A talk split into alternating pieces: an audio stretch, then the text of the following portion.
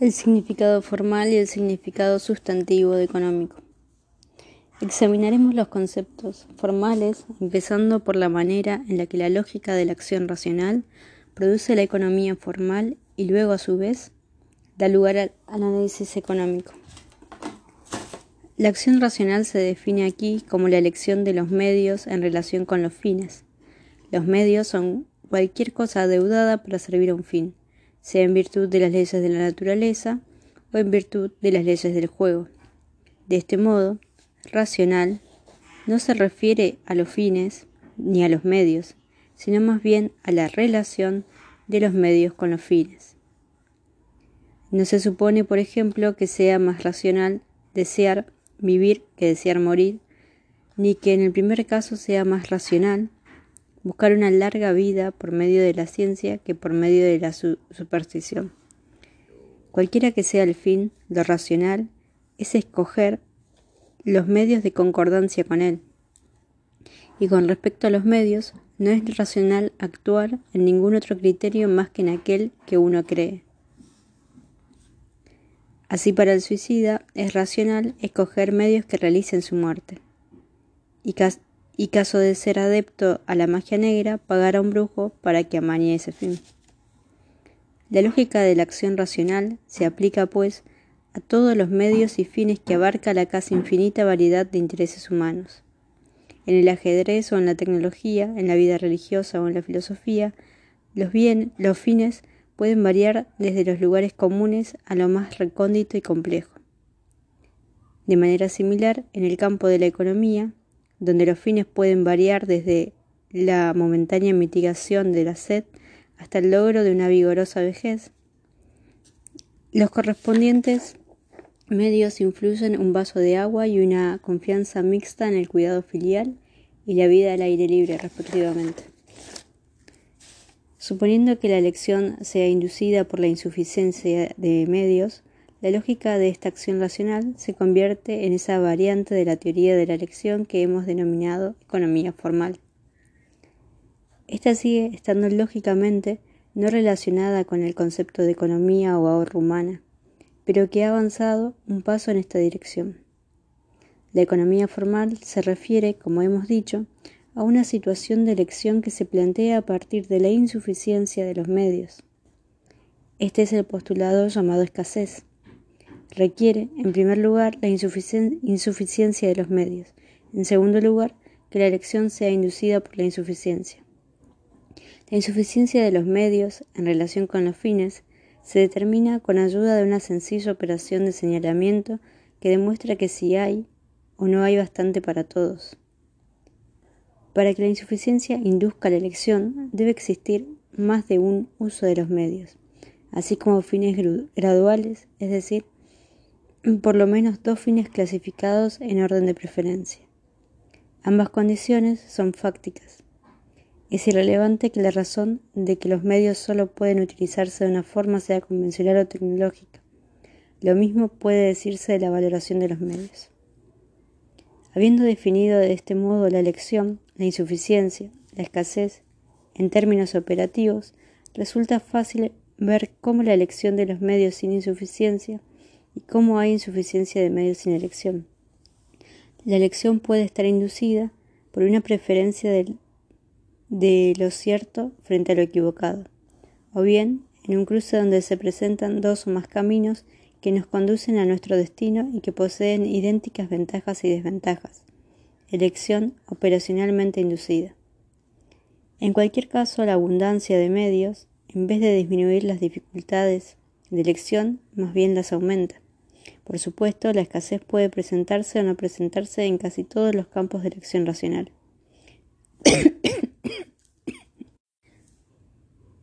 no toda la filosofía es pura creatividad imaginativa. También puede tratarse de ahorrar con presupuestos. O bien volviendo a la esfera de la subsistencia humana. En algunas civilizaciones las situaciones de escasez parecen ser casi excepcionales y en otras desconsoladamente generales.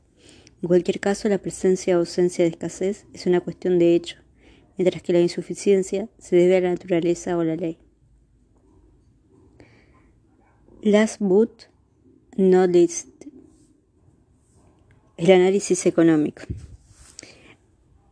Esta disciplina es el resultado de la aplicación de la economía formal a un sistema económico concreto, a saber, a un sistema de mercado. Se consigue mediante la generalización del sistema de producción de, precios de mercado. Todos los bienes y servicios, incluyendo la utilización del trabajo, la tierra y el capital, están a la venta en los mercados y por lo tanto tienen un precio. Todas las formas de ingreso derivan de la venta de bienes y servicios, salarios, rentas e intereses, respectivamente. Solo aparecen como diferentes casos de precio de acuerdo con los artículos que se venden. La introducción general del poder de compra como el medio de adquisición conveniente al proceso de cumplir las exigencias en un, reparto, en un reparto de medios insuficientes con usos alternativos, a saber, el dinero de donde se deduce que tanto las condiciones de elección como sus consecuencias son cuantificables en forma de precios. Puede afirmarse que, concentrándose en los precios como el hecho económico por excelencia, el método de aproximación formal ofrece la descripción total del sistema económico en cuanto determinado por las elecciones inducidas y por una insuficiencia de medios. Los instrumentos conceptuales mediante los cuales se realiza esto constituye la disciplina del análisis económico. De ahí se deducen los límites dentro de los cuales podemos demostrar efectivo el análisis económico. La utilización del significado formal denota que el sistema económico es una secuencia de actos para ahorrar, es decir, de elecciones inducidas por una situación de escasez. Mientras que las reglas que determinan tales actos son universales, la medida en que estas normas pueden aplicarse a un concreto sistema económico depende si tal sistema económico consiste de hecho en una secuencia de tales actos. Para producir resultados cuantitativos, los movimientos de localización y de apropiación de que consta el proceso económico deben presentarse aquí como funciones de las acciones sociales con respecto a medios insuficientes y orientadas por los precios resultantes. La situación solo se consigue en un sistema de mercado. La relación entre economía formal y sistema económico humano es en efecto contingente. Fuera del sistema de precios formados por el mercado, el análisis económico pierde la mayor parte de su relevancia como método de investigación del funcionamiento del sistema económico. Un sistema económico de planificación central que se basa en los precios no creados por el mercado constituye un ejemplo bien conocido. el origen del concepto sustantivo es el sistema económico empírico. Puede resumirse brevemente, si no comprometidamente, como el proceso instituido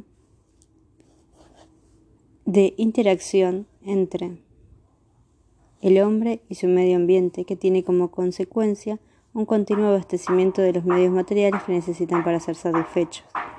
La satisfacción de la necesidad material se implica la utilización de los medios materiales para satisfacer los fines, en el caso de un concreto tipo de necesidades fisiológicas como la comida o el abrigo, solo incluye el uso de los llamados servicios.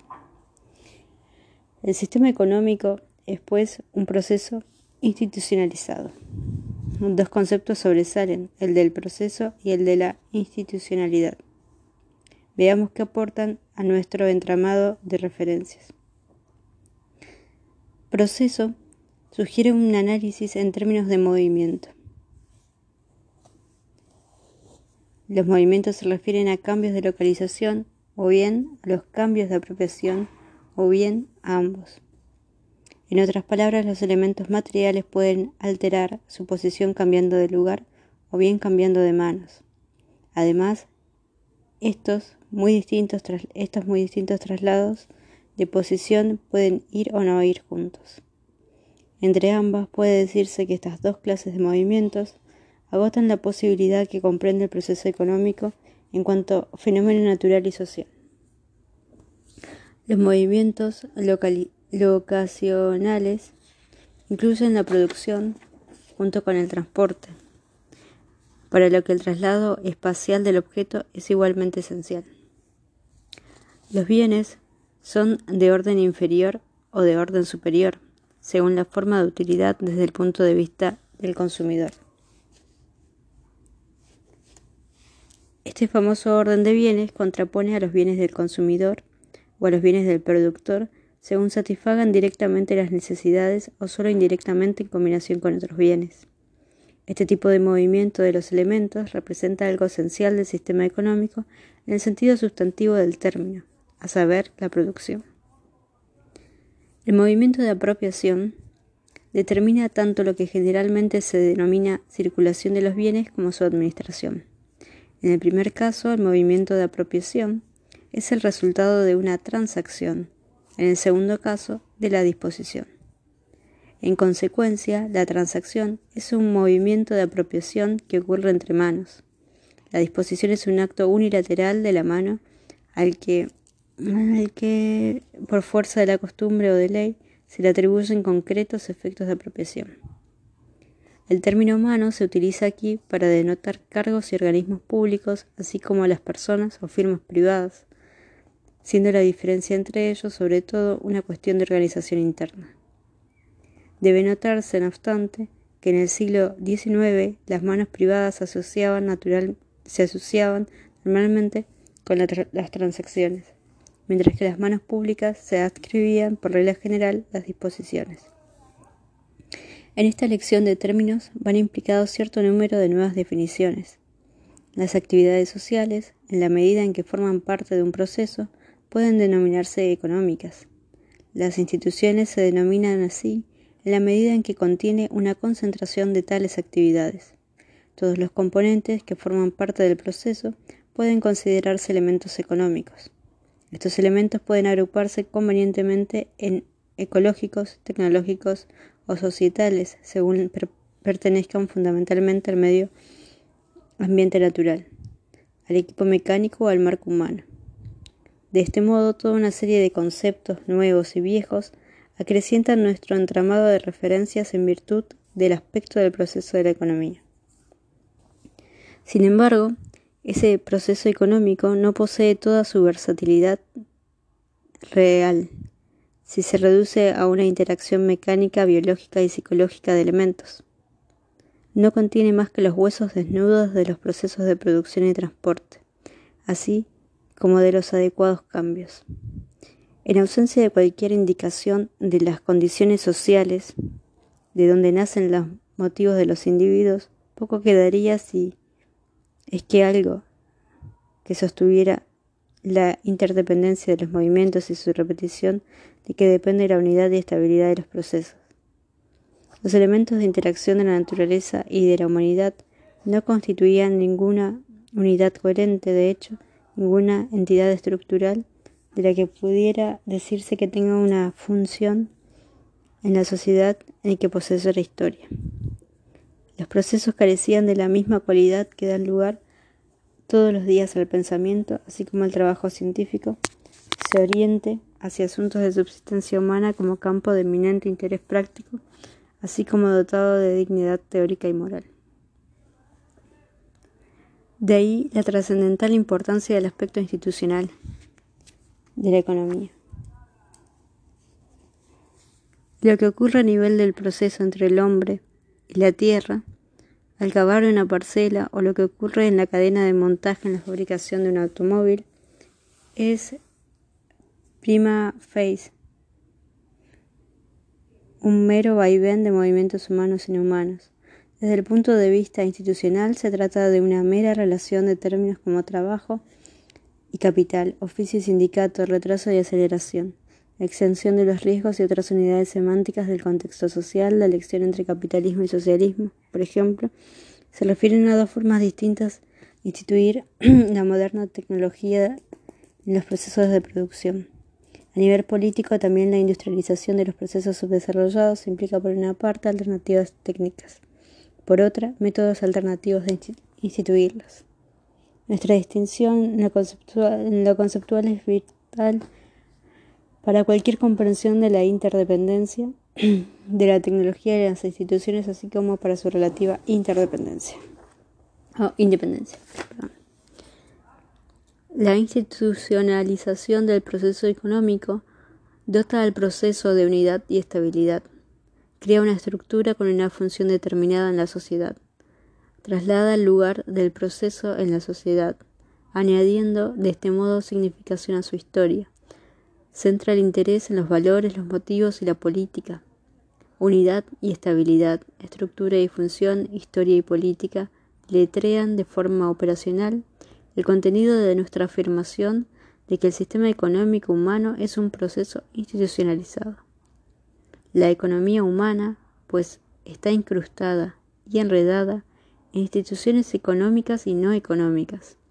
La inclusión de lo, que, de lo no económico es vital, pues la religión o el gobierno pueden ser tan importantes para la estructura y el funcionamiento de la economía como las instituciones monetarias o la disponibilidad de herramientas y máquinas que aligeren el trabajo de la mano de obra. El estudio del lugar cambiante que ocupa la economía en la sociedad no es, por tanto, distinto del estudio de la manera en que ésta que está instituido en el proceso económico de los distintos tiempos y lugares. Esto requiere una caja de herramientas especial.